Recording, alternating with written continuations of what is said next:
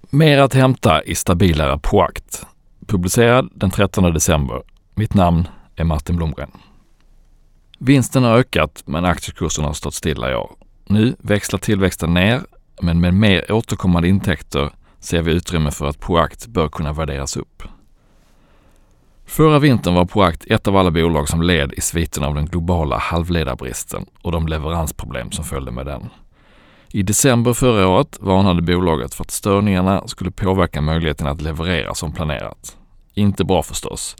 Men med den underliggande efterfrågan som var stark och en stor orderbok stod hoppet till att problemen skulle vara tillfälliga. Så blev det också. Den islossning som vi och andra hoppades på under 2022 när vi analyserade aktien i början av året har nu blivit verklighet. I senaste kvartalet ökade intäkterna med hela 36 procent, varav 21 procent organiskt. Rörelseresultatet lyfte samtidigt med 31 procent.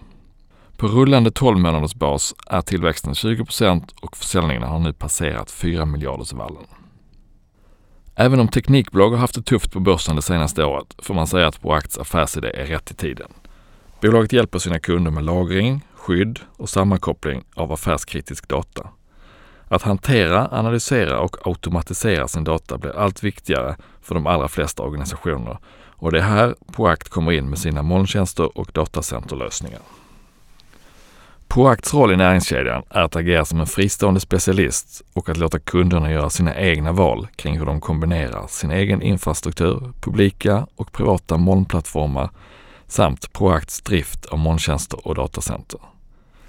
Industrin, handel, offentlig sektor utgör stora kundgrupper, men branschfördelningen är bred och omfattar de flesta sektorer.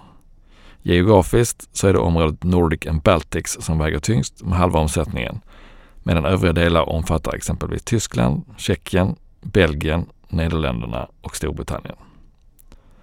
En intressant del tycker vi är att de mer lönsamma återkommande intäkterna från moln och supporttjänster nu är uppe i 1,5 miljarder i årstakt. Det motsvarar omkring 35 procent av de totala intäkterna. Molnavtalen har i regel en löptid på 3 till 5 år och det ger bolaget en kudde som minskar slagigheten i intäkterna. Att orderingången är god och att Proact enligt senaste rapporten har en signifikant högre orderstock än normalt bådar förstås gott för intäkterna framåt. Åtminstone de närmaste kvartalen där jämförelsesiffrorna också är nedtryckta. Hur en tuff lågkonjunktur kan påverka längre fram under 2023 är ett osäkerhetsmoment för tillväxten.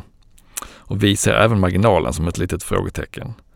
Upp till marginalmålet på 8% är det en bit kvar och vi skulle gärna vilja se lite bättre utväxling på tillväxten inom tjänster för att bli riktigt optimistiska kring ett större marginallyft.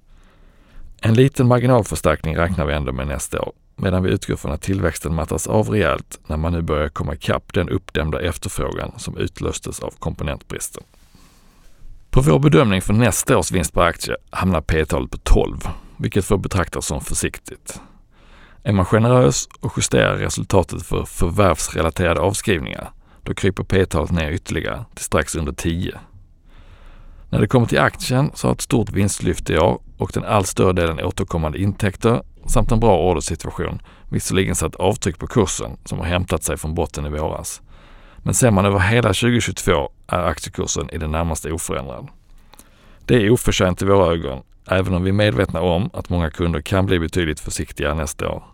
Samtidigt är investeringar i IT-infrastruktur och datahantering ofta en nödvändighet och inte ett högkonjunktursfenomen. Den underliggande positiva trenden lär knappast bli sämre under överskådlig tid.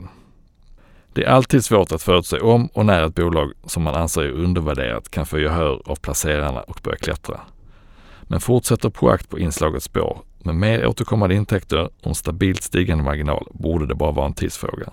Vi är fortsatt positiva till Proact.